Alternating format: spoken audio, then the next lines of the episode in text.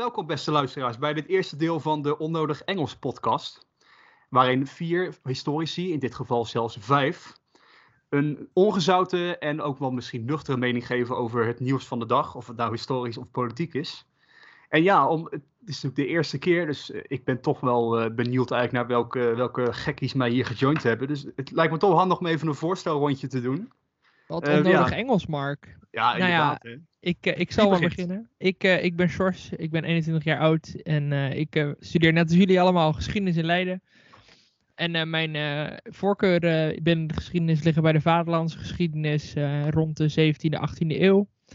En verder geef ik graag mijn ongezouten mening over alles Europese integratie, Nederlands, politiek, whatever. Dankjewel, Sjors. Ik Mike? ben uh, Mike. Ja, ik ben 21, uh, ook 21. En ik ben geïnteresseerd in uh, politiek en politiek geweld. Dus ook oorlog. En vooral van de 19e en de 20e eeuw. En de politiek ook in het huidige tijd vind ik ook interessant. Daan? Jurre, ook Daan? Ik, ben, ja, ik ben dus Daan. ik ben ook 21 jaar oud. Ik, mijn interesses in de geschiedenis zou, liggen vooral een beetje in de oudheid en de middeleeuwen. Goed zo, en dan een beetje dat politieke en religieuze gekonkel er allemaal omheen zit. Nou, tenslotte Jurre. Ja, ik ben Jurre, 22 jaar oud. Oh, Ik zit nu in het uh, derde jaar bij bezig met mijn eindscriptie over de opstanden in Nederlands-Indië, 26 en 27, en wat het perspectief van de Nederlandse regering ook was. En uh, ja, ik ben dus geïnteresseerd in algemene geschiedenis. En eigenlijk ook in de rest van de geschiedenis wel, maar voornamelijk algemene geschiedenis. Nou, en uh, mijn naam is Mark Nieuwenhuizen, ik ben ook 21 jaar. En uh, ik ben momenteel bezig met de laatste fase van mijn scriptie. En die gaat over de Rijksweer in de Weimarrepubliek. En mijn interesses liggen ook vooral in het militaire geschiedenis. Maar verder ook eigenlijk in de oudheid. En ja, er zijn nog wel meer onderwerpen. Maar oké, okay, dan weten we nu uh, wie wie is. En dat, uh, dat brengt mij dan gelijk bij het, bij het nieuws van de dag, om zo maar te zeggen. Namelijk ja, de toeslagenaffaire, natuurlijk veel in het nieuws geweest. En ik ben vooral benieuwd van, allereerst van, wat is jullie, wat is jullie mening over heel deze affaire en in de zin van, ja, is het nou echt iets waar, wat voor ons ook belangrijk is als, als, als, als jeugd? Of, of is het iets wat ons meer ontgaat? Wat, uh, wat vinden jullie? Nou, het is natuurlijk wel belangrijk, aangezien het over het functioneren van de staat gaat waar wij allen in wonen. En ik vind dat het ons te veel ontgaat in de zin dat er niet genoeg interesse voor is. Ja, dat, dat valt mij ook op inderdaad. Dat vooral bij studenten zo. Misschien heeft het toch te maken met het verschil dat het omdat die toeslagenaffaire toch een bepaald soort van uh, inkomen raakt, om zo maar even te zeggen, dat je dat niet veel bij de studenten vindt, maar dat daardoor ook minder interesse in is. Maar ja, het, het wordt niet echt, uh, niet veel genoemd, om zo te zeggen. Ik weet niet of jullie dat herkennen, maar... Ah, ik, ja. uh, ik praat nu sowieso niet met heel veel studenten, dus nee, ik hoor niet waar. heel veel van het nieuws bij mijn medestudenten. Maar ik vind het voornamelijk kansloos dit, dat Want? dit had kunnen gebeuren. En dan zie je maar hoe slecht het daar op deze manier is geregeld. En ook weer vandaag in de krant. Ja. Uh, misschien heb je het al gelezen dat een mevrouw, zelfs nadat deze commissie uh, oordeel had gegeven, dat ze 52 uh, valse boetes had gekregen ja. in de brievenbus. Ja, en dat gaat dan dat ook vind ik toch wel interessant naar aanleiding van dat er een hele commissie is geweest en dat je alsnog uh, dus blijkt dat er de problemen gaan gewoon nog steeds door, ondanks dat de onderzoekscommissie heeft uit, aangetoond van er zijn dingen mis zou je toch wel verwachten dat er bij de Belastingdienst wel een paar koppen zijn gaan rollen. En dat het er op, op die ik manier denk, wel uh, opgelost zou worden. Ik, ik, denk dat dat ook wel het pijnlijke van heel deze zaak is. Dat er al zoveel over gesproken is. En er zijn zoveel com commissie ook over geweest.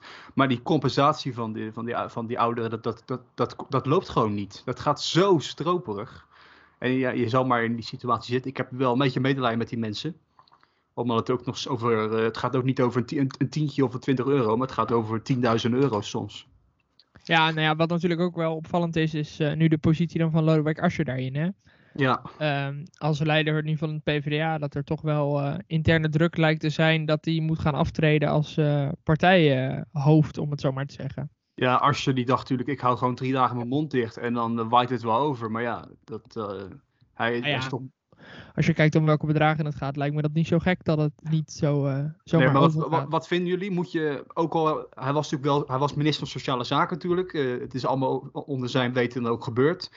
Moet, je daar dan, moet hij daar dan voor aftreden nu nog? Nou, ik vind weer extra gênante probleem zou ik zeggen, is hier voor PvdA, is dat ook voor een groot gedeelte juist de soort van doelgroep van stemmers van de PvdA ook getroffen is. Ja, door de, uh, de toeslagenaffaire. Dus dat uh, maakt het niet echt een soort van ex verexcuseerbaar probleem. Nee, om zo te zeggen. Ik ben, de, bij, kijk, bij Rutte is het natuurlijk nog een kans dat het gewoon van hem afgeleid. Maar ja, ik denk dat inderdaad vooral een Ascher ook binnen zijn partij hier wel constant aan herinnerd zal worden. Want het is toch inderdaad een beetje hun achterban. Het, het gaat over het is inkomen en het beetje hun, uh, van de P van de A. Is dat nog hun achterban? Ja, ja, ik denk het wel. Hè? Het gaat natuurlijk ook een stukje om geloofwaardigheid, denk ik. Uh, dat ook. Ik bedoel, als je als PvdA-leider inderdaad iets als de toeslagenaffaire, als je daar als minister verantwoordelijk voor bent geweest, en dat je dan nu denkt, oh, dat was al, dat was toen ik minister was en ik ben nu oppositieleider, ja, dan, dan is er toch wel een, ergens een draadje mis met je, uh, met je geloofwaardigheid als partijleider dan op dat moment, denk ik. Maar denken jullie ook dat, dat hij ook daadwerkelijk de stap neemt om af te treden? Ik denk dat het wel zou moeten. Want, eh, maar dan is natuurlijk de vraag, wie, welk poppetje binnen de PvdA neemt zijn plek over? Nou, ik zag op Twitter uh, dat mensen Ariep uh, wel voor zagen zitten als uh, ja? Ah, ik, denk dat, dat ik denk dat Ariep dat niet gaat doen. Ik denk dat Ariep veel liever voorzitter van de Tweede Kamer blijft dan dat, dat zij daadwerkelijk uh, en, uh, denk, worden. En, en, misschien een burgemeester die naar voren wordt geschoven, zoals uh, Abu Talib of die meneer in, in Arnhem, die ook in de laatste tijd best veel in het nieuws is. Ja, ik denk dat Lilianne Ploemen op zich wel kans maakt om... Uh... Nou, is ze niet een beetje uitgerangeerd, uh, Ja, misschien wel, maar vergeet niet dat ze wel gewoon op dit moment vice-fractievoorzitter is bij de PvdA. Hè? Ze, is wel, ze doet wel buitenlandse zaken, ze doet wel gezondheidszorg. Dat zijn wel twee dingen die op dit moment ook wel belangrijk zijn. Dus ze heeft binnen de partij wel een soort van status in dat opzicht. En ik ben het hier ook wel met ja. George eens, want laat ik het zo zeggen, misschien als je weer kijkt naar bijvoorbeeld volgende PvdA uh, leid, uh, soort van leden die dan van burgemeester naar leider van de partij zijn geworden. Dus dan heb je bijvoorbeeld weer Job, uh, Job Cohen. En voor mijn gevoel waren die, was hij wel een hele goede burgemeester, maar minder goed ja, als politicus. Dus daarom waarschijnlijk zullen ze daar iets voorzichtiger in zijn deze keer. Ik, ik ben benieuwd hoe dat, hoe, hoe, dat gaat ontwikkelen. Nou, en dan om toch nog maar even gelijk bij het politieke nieuws te blijven dan. Mevrouw Femke Merel Koten van Arissen die natuurlijk van de Partij van de Dieren is afgesplitst, maar toch op een of andere manier ervoor gezorgd dat ze altijd eigenlijk best wel goed in beeld was en altijd ook wel de media wist te halen. Die heeft nu de eigen partij, genaamd Splinters. En het opvallende van die partij is, om maar eigen woorden te gebruiken, dat er geen verstikkende fractiediscipline is. En leden van haar partij mogen vervolgens in de Tweede Kamer ook zelf bepalen wat zij stemmen. Wat vinden wij ervan? Het is eigenlijk een beetje terug de geschiedenis in, hè? Voor, de, voor, de, voor de fractie en het ontstaan van partijen. Ik vind het wel een mooi concept, maar dat betekent dus wel dat ze niet in een regering kan gaan zitten. Dus dat, dat, die stap heeft ze daarmee wel genomen, maar voor de rest zie ik geen reden waarom het niet zou kunnen werken. Ja, ik ben het met Mike eens op dat punt dat het denk ik een, uh, een goede oppositiepartij kan zijn in dat opzicht. Dat het namelijk een, een soort vrij fluïde uh, idee is dat, dat de partij dus op bepaalde punten gewoon wel uh, mee kan stemmen met bijvoorbeeld coalitie. En, maar dat ook niet de hele partij hoeft mee te stemmen. Maar in dat opzicht maakt het ook wel weer verwarrend misschien om mee samen te werken voor de andere partijen. Want ja, dan werk je samen met de partij Splinter, maar dan, dan weet je ook niet helemaal welk versplinterde deel nou zeg maar jou gaat aan, jouw punt gaat aanhangen en welk versplinterde deel niet. Nee, je kan dan inderdaad niet iets inbrengen als je niet eens zeker weet dat je die, de meerderheid wel gaat halen. Als je, als je op haar leden dan moet oprekenen en, en, en er is een kans dat zij bijvoorbeeld niet voorstemmen. Dus dat ja, maakt het dan... Ja, zeg maar. Naar mijn idee is ook, dus als ik, wat ik hoor een beetje van die Splinter-partij, is ook niet echt alsof het echt een partij is, maar meer een soort vereniging van alle soort van uh, kamerzetels die niet uh, een eigen partij hebben. Dus als je gewoon, je hebt geen partij, maar je zit nog wel in de Tweede Kamer, dan zit je bij splinters, een beetje, om het maar zo te zeggen. Ja, maar ja, er komt natuurlijk wel een verkiezing aan. En die mensen willen dan ook verkozen worden. Dus ze moeten dus toch ook wel met een bepaald idee of een bepaald programma of een visie komen. Ze heeft een, nou ja, een visie toch? In de zin dat ze zei was dat ze sociaal-liberaal is en groen en seculier. Ja, Maar, maar ook nog sociaal-democraat en ook nog uh, het rode geluid wil ze ook nog een stem geven. Ze, ze, heeft wel zeg maar heel veel wat ze... Uh... Maar ze is dus niet rechts. Van Hagen nee. had er niet bij kunnen gaan. Nee, dat, dat, dat klopt, dat klopt. En uh, met Henk Otte is ook geklapt. Precies. Dat, maar dat zagen we natuurlijk ook al aankomen, dat niet goed, niet, niet goed zou gaan.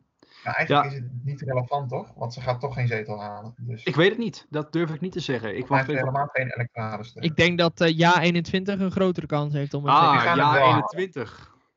Eerdmans en Nanninga. Nou, Sjors zegt het. Jij wil iets zeggen daarover, hè? Dat je ja, erover begint. Ja, ik, daar begin, daarom begin ik er natuurlijk over. Je snapt het bruggetje, Mark. Um, ja, Ja 21, die heeft in één klap gewoon drie zetels in het Europees Parlement. Partij bestaat net... Twee, toch? Uh, volgens mij drie. Maar partij bestaat net een, uh, een aantal weken eigenlijk. En uh, ze krijgen meteen eigenlijk de FVD-zetels cadeau. Ja, ook dan... in de Provinciale Staten toch? Want uh, Pauw is ook overgegaan naar... ja, zijn er, zijn er meer overstappen zo? Jazeker. En ik, ben, ik denk dat er nog wel meer gaan volgen. Want het is inderdaad gewoon die, die oude liberale kant van, de, van FVD die nu uit, ja, uit FVD is vertrokken. Misschien kunnen die zich inderdaad wel meer vinden met Nanninga en met Eerdmans. Nee, als ik uh, nu kijk, dan heeft, hebben Dirk-Jan Epping, Rob Roos en Rob Roken de partij op 20 december uh, zijn ze daardoor toegetreden. Dus uh, ze hebben drie mensen in het EP zitten. Nou, nou, het zal wel voor, voor Eerdmans zal het wel een flinke boost zijn om er ook echt vol voor te gaan. Hè? Want het nou ja, volgens mij getwijfeld. In, in, de, in de peilingen stond hij toch wel op mogelijk twee zetels, volgens mij, in ja, de Tweede dat Kamer. Kan, dat kan best meer worden. Dat, zou best meer kunnen worden, inderdaad. Ja, en ik, ik denk dat ze, als ze het geluid van uh, Baudet, zeg maar, op een andere manier vorm kunnen geven. En op die manier, um, zeg maar, eh, een soort van vorm voor democratie zonder gekkies kunnen worden. FVD, nee, um, nou ja. VVD, een rechts-VVD. Een rechts-VVD, ja, inderdaad. En dan denk ik dat ze best een kans maken om best wel wat zetels mogelijk bij de VVD weg te snoepen. En ook zeker bij FVD en PVV dat ze daar wel iets van uh, gaan uh, pakken. Ja. Wat ik me dan afvraag is van wat gaat er dan met FVD gebeuren? Gaan die ook nog dan naar rechts, zeg maar, qua programma, qua officiële standpunten? Ja, dat... Of blijft Baudet volgen dat hij het liberaal-conservatieve geluid in Nederland is? Ik ben bang dat Thierry dan niet goed door heeft wat er nog over is van zijn achterban. Want dat is niet, uh, dat, dat zit nog rechtser, zou ik bijna zeggen. Nou ja, maar gaat hij dan naar rechts? Want op dit moment heeft hij nog niet echt laten zien dat hij nu naar rechts gaat. Hij gaat gewoon door met wat hij al vier jaar doet. Ja, nee, ik, en dat is Hinkel twee gedachten. Dat schiet sowieso niet op. Ik, ik ben benieuwd. Maar ik, ik, ik, ik zag nu op Twitter dat Eerdmans uh, dat ze echt uh, flink bezig waren om nieuwe leden te sprokkelen. Ik, ik, ik, ik, uh, ik ga even afwachten of ze ook echt de, de, vereisten gaan halen om deel te mogen nemen aan de Tweede Kamerverkiezingen. Maar dat wordt wel nog even een partij om, om goed in de gaten te houden, om zo maar te zeggen. En dan stappen we toch even, ja, want we hebben het nu allemaal het binnenland, maar ik wou toch nog even naar het buitenland stappen, namelijk naar onze grote vriend Trump. Waarvan we allereerst wel allemaal mogen concluderen dat hij is uitgespeeld, toch, Trump?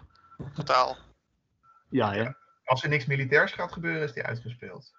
Ja, nou, misschien maar, uh, ik weet niet of het beter ook is, maar uh, laten we zeggen dat. Uh, ik persoonlijk was in, in, in, het begin altijd nog wel fan van Trump, maar hij heeft zichzelf natuurlijk toch wel een beetje getoond als gewoon een onbeschofte vlegel, zeg maar. om zo maar te zeggen. Dus maar in het begin dacht ik nog, ja, misschien heeft hij gewoon een hele grote campagne gevoerd. En dan komt hij nu aan bod. En dan gaat hij echt iets doen. Dat hij gewoon die economie echt terughaalt. En gewoon een president is voor het volk. Maar hij is eigenlijk nooit opgehouden met zijn politieke campagne. ja, dat is echt waar, ja. Dat is gewoon een campagne van bijna vijf jaar geweest. Hij is, altijd in die, hij is altijd in die retoriek blijven hangen. En daarmee heeft hij volgens mij heel... Nou, eigenlijk de mensen waarmee hij juist moest samenwerken... heeft hij tegen zichzelf uh, in, in het harnas gejaagd. uiteindelijk heeft hij het hele land verdeeld. Ja. Ik vraag me hierbij ook wel af of Trump dan überhaupt, stel hij had een tweede termijn gehad, of dan die retoriek wel eigenlijk was veranderd, omdat hij nu niet meer campagne nee. kon voeren. Nee, nee, nee, dat scoort hij niet. Ik, ik denk dat Trump dat inderdaad, wat, wat Mike net zegt, dat, dat kan Trump gewoon niet. Trump die, die voedt zichzelf eigenlijk een beetje met die retoriek. Als hij daarvan af zou stappen, dan zou hij geen andere politiek kunnen bedrijven. Ik bedoel, die man is hier vier jaar geleden is die gekozen. Um, zonder enige vorm van politieke ervaring. Hij wist mijn god niet wat hij allemaal moest doen. Hij dacht, ah, misschien kan ik een krabbeltje ergens onder zetten en dan is de wet goedgekeurd. maar ja, het is natuurlijk iets ingewikkelder dan dat. Dus ja, ik denk dat hij het juist van die retoriek alleen maar moet hebben. Ik denk dat hij zonder die retoriek eigenlijk niet heel veel uh, is op politiek niveau. Nee, maar, heeft ja? hij dan nog wel dingen bereikt? Ja, dat, wou ik eigenlijk, dat was mijn vraag ook. Want ik, ik wou zeggen van we concluderen dat Trump, het, het hoofdstuk Trump kan dicht. Maar als we nou terugkijken op die vier jaar, is er nou eigenlijk iets waarvan kunnen zeggen van. Nou, dat, daar moeten we Trump echt dankbaar voor zijn. Dat heeft hij echt goed gedaan. Ja, nou ja, noem maar iets. je, je, zou kunnen beargumenteren dat, want hij heeft best wel, zover ik het weet, heel veel, best wel veel Amerikaanse troepen uit het Midden-Oosten en uit Afrika weer teruggehaald naar de Amerika. Dus het, zou je kunnen zeggen van hij heeft bezig geweest met demilitarisatie van uh, in het Midden-Oosten. Of het uiteindelijk goed effect heeft, is nog de vraag. Ja, maar het is wel iets wat hij heeft gedaan. Dat was waar, hè? dat was ook een van zijn verkiezingsbeloftes. En die heeft hij volgens mij wel aardig ingelost. Kan je ja, ook meer hij, hij met... Uh, ja, maar ik denk dat Jure ook wil zeggen Israël, denk ik. Uh... Ah, ik wilde Noord-Korea zeggen eigenlijk. Oh, ja, ja, ja, ja, dat is wel een goeie, inderdaad. Zeg maar, Noord-Korea. Ja. Israël en Noord-Korea zijn inderdaad allebei, denk ik wel. Nou ja, aan de andere kant kan je zeggen, wat Jure natuurlijk bedoelt, van hij heeft weer met Noord-Korea, denk ik, een beetje de contacten opge, opgezocht. Dat bedoel ah, je, denk was de eerste Amerikaanse president die op het grondgebied kwam, toch? Alleen, ja, dat is intussen wel weer twee jaar terug. De laatste tijd is er nooit meer echt wat van gekomen. Ja, je moet ook niet vergeten dat Noord-Korea natuurlijk wel gewoon een land in isolatie is. En dat wanneer de wereld in crisis verkeert, dat de hele wereld waarschijnlijk de rug keert richting Noord-Korea. Want ze hebben het wel drukker met andere zaken, zeg maar. De, de, handel kwam stil te liggen, uh, je had corona. Ja, dat zijn wel iets voor, ik denk voor een Amerikaans president dat hij, als hij nu naar Noord-Korea was gegaan voor uh, vredespraatjes, dat, ja, dat had niet goed uitgepakt bij zijn kiezers sowieso. Ja. En dat Trump eieren voor zijn geld heeft gekozen in het opzicht dat hij wist dat hij campagne moest gaan voeren en dat hij Noord-Korea dus maar even losliet.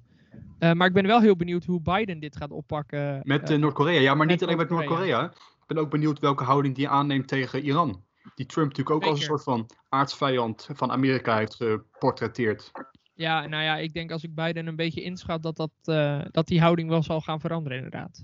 En uh, bij Trump nog even over, uh, dat, ja, dat is denk ik wel iets waar we wel dankbaar voor mogen zijn.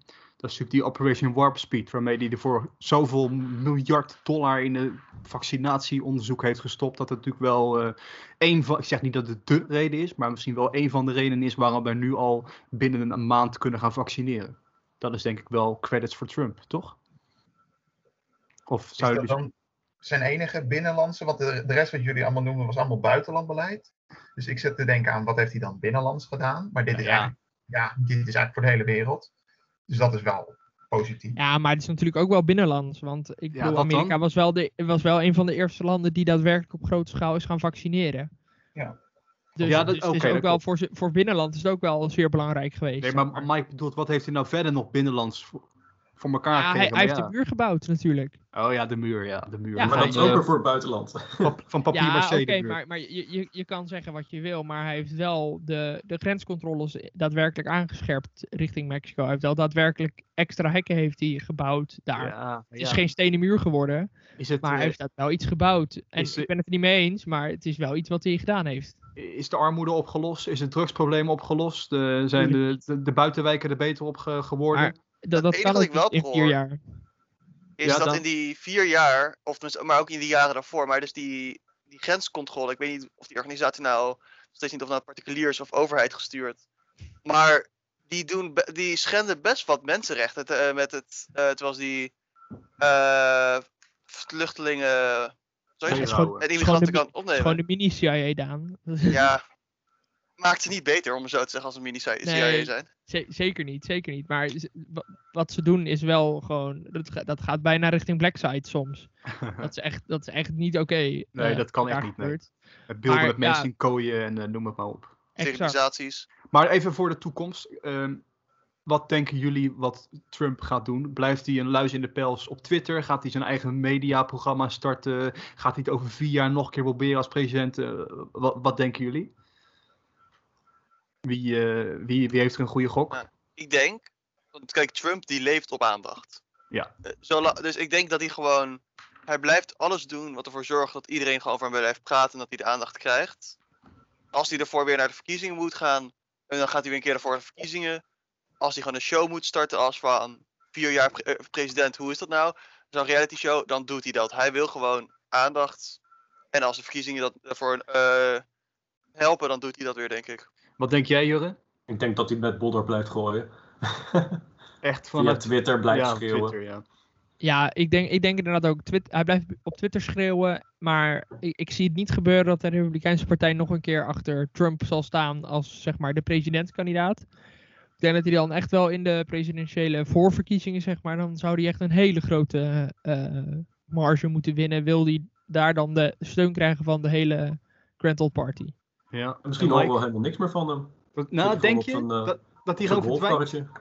Dat, dat, dat, sowieso, maar dat deed natuurlijk altijd al golf. Maar dat, kan, dat is ook een optie, ja. Dat hij gewoon nou, van zijn pensioen genieten, dat kan je niet zeggen. Maar dat hij gewoon inderdaad gewoon uit een beetje uit het nieuws stapt. En, uh, ik denk het niet, maar het zou... Misschien is hij ook wel ontzettend vermoeid door die presidentiële baan. Ja, ver, Vergeet niet dat hij gewoon... Uh, uh, toch gewoon 74 is, hè? Ja. ja, dat is waar, dat is waar. In de, in de Sovjet-Unie zou je nu president kunnen worden op zo'n op zo'n leeftijd. Nou, ja, zeker. Maar het, uh, dus ja, dat, dat, ik, ik, dat, dat, ik ben benieuwd wat, wat hij gaat doen. Wanneer is de officiële overdracht naar Biden? 20 januari, toch? 20 januari, ja. Denk, denken we nog steeds dat hij, de, dat hij gewoon, dat hij gewoon ja, vrijwillig eruit stapt? Of uh, moet hij onder, in, in de handboeien met uh, militair personeel worden, worden geëscorteerd? Nee, ik denk dat hij, wel, dat hij wel gewoon naar zijn Trump Tower terugkeert. Maar ik denk wel niet dat het, dat het een mooie af, aftreden wordt. En het feit dat hij misschien toch wel een beetje een soort een rotzooitje gaat achter proberen te laten voor uh, Joe Biden. Ja, dat zou nog kunnen, ja. Dat hij een beetje, nou niet saboteren, maar misschien wel inderdaad denkt van, weet je wat, ik, maar, ik ga niet mijn best doen om de laatste week het makkelijk voor hem te maken om uh, die overgang. Om zo ja, ik denk niet, inderdaad niet saboteren, maar ik denk wel dat hij gaat proberen om, uh, om de eerste 100 dagen van Joe Biden wel lastig te maken, zeg maar. Want dat is natuurlijk wel een soort van een dingetje binnen het Amerikaanse volk, dat binnen de eerste 100 dagen van je presidentschap ja, daar moet je bereiken. Moet je presteren. Maar ik denk dat Trump daar wel voor gaat proberen om dat wel uh, te vertragen of te blokkeren in dat opzicht. Uh, ja, dat, daar zou... veel grote dingen gaan gebeuren. Dat zou natuurlijk uh, heel goed kunnen. Nou ja, Trump, Trump blijft altijd Trump. Ik, ik moet wel één ding zeggen. Kijk, er zijn natuurlijk gênante momenten met Trump geweest in de afgelopen vier jaar, maar we hebben, we hebben natuurlijk ook wel gelachen om hem. Er zaten ook wel hele leuke dingen tussen. Ja, maar het is alleen wel een beetje gênant als een uh, soort van de president van het machtigste land in de wereld meer als een soort van comedy show is. Ja, dat is waar. Dan iemand waar je van denkt, nou ja, die fixt een beetje de wereld. Dat maakt het inderdaad wel gênant, maar... En hij heeft natuurlijk uh, alle ruimte gegeven aan een nieuwe wereldmacht. Dat is? Ja, China. China was dat hij minder betrekkingen heeft in het buitenland en vooral probeert um, dingen van China te blokkeren, betekent dat China naar de rest van de wereld gaat kijken. China in Afrika, China die om India heen gaat en alsnog via derde partijen de producten van China aan de Verenigde Staten verkoopt voor een hogere prijs. Dus zo krijgt China steeds meer macht. Ja, dat is ook wel even bekijken. Hè? Hoe, uh, of Joe Biden inderdaad die. Nou, ik zeg niet dat hij die handelsoorlogen van Trump tegen China gaat voortzetten. Maar wel welke houding hij opneemt tegenover China. Daar ben ik ook wel benieuwd naar. Ik denk dat hij helemaal niet zo heel vriendelijk tegenover China gaat, uh, gaat zijn. Nee, zeker niet. Ik, uh, ik, weet, ik weet ook niet wat daar precies in de voorverkiezing over gezegd is. Of wat zijn beleid er überhaupt op is. Maar we gaan het zien. Nou, dan, ja, dan komen we toch bij de bekende, bekend onderdeel van deze podcast. Die ik gewoon even verzonden heb. Namelijk vandaag in de geschiedenis. Wat gebeurde er vandaag op 21 december in de geschiedenis? Nou, in 69 na Christus werd Vespasianus keizer van Rome, waarmee er een einde kwam aan het vier keizerjaar. Kunnen we hem nog herinneren uit onze colleges over de oude geschiedenis? Dat is lang geleden. Dat is lang geleden? Vespasianus, ja. Het begin van de Flavische dynastie. Ja, er waren ook maar drie, uh, waren ook maar drie keizers. Dus waren er drie? Ja. Ja, je had nog heel eh, kort Domitianus, maar die heeft het ook echt maar een oh, jaartje of drie, vier volgehouden. En zijn zoon Titus. Oude, toch? Of, nou, maar dat is weer een andere. En zijn zoon Titus ook nog, hè, daarna. Maar ja, ik vond, hem, ik vond hem toch wel even leuk om te noemen. En de tweede, in 1795, vandaag geboren, Leopold van Ranke. Ah, mijn grote held. Ja, ja waarom, is, dat, waarom, Is, dat jou, waarom is dat jouw held? Uh, Wie is het eigenlijk gewezen, hè? Oh.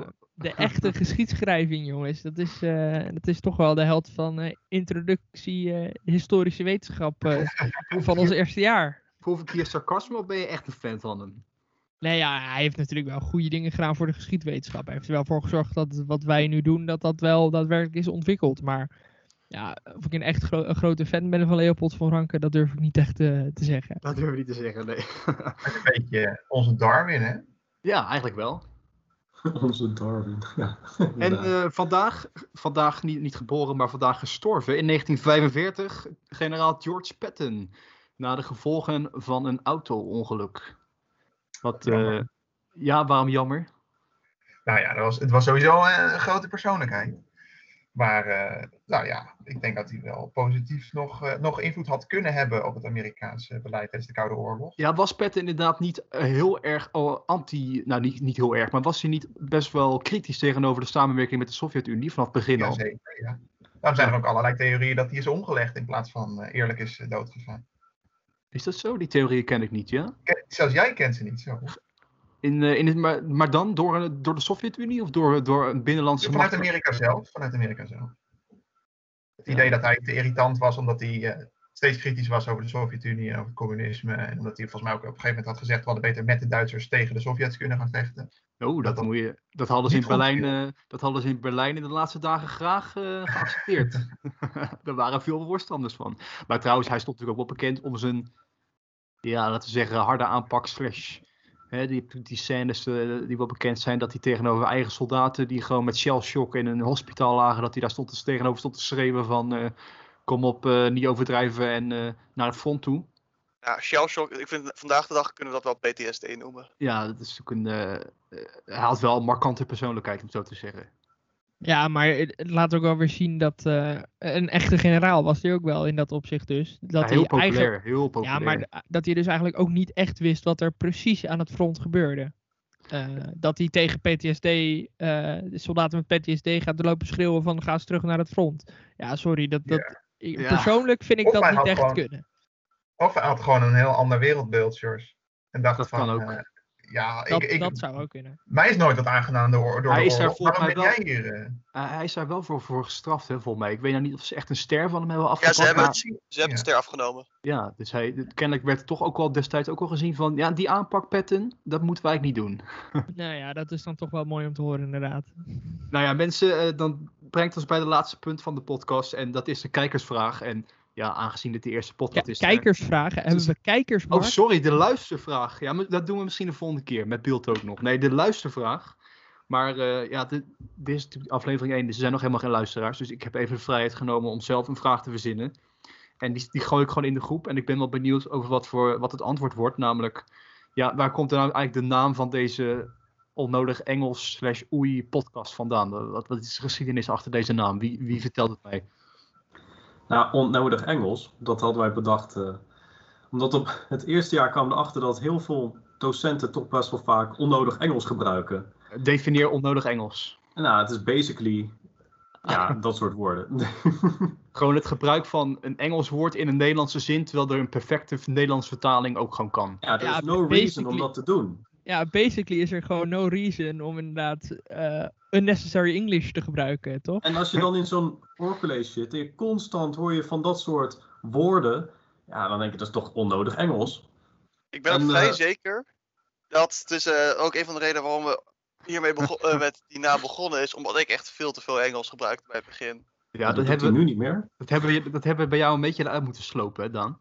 Ja, ik, ik moet zeggen dat ik ook schuldig ben en nog steeds schuldig ben. eh, dat ik eh, nog steeds wel eens onnodig Engels gebruik. Ja, maar eh, kijk, ik maak er wel een grapje van, maar in een bepaalde manier symboliseert het ook wel weer het, de achteruitgang van de Nederlandse taal. En in, wat je ook veel in de kranten leest, dat steeds minder Nederlanders eigenlijk onze eigen taal machtig zijn. Ja. Gewoon dit soort, dit soort kleine dingen die erin sluipen. Of overdrijf Maar- ik dan? Hoe machtig zijn ze in het Engels dan? Want volgens mij valt dat ook behoorlijk tegen. Ik, ik weet niet, volgens mij staat Nederland toch nog steeds Ja, Als- Nederland Ja, maar- staat wel hoog, maar het is wel allemaal een beetje steenkolen Engels natuurlijk. Het is niet, Ja, alsof, het is niet maar- alsof, je, of- alsof de helft van Nederland met een stiff upperlip praat of zo. Ja, Nee, maar Nederland kan ik heb, wel allemaal Engels. Ja, dat is waar. Wij zijn de nummer één van niet-Engelstalige landen die Engels kan beheersen.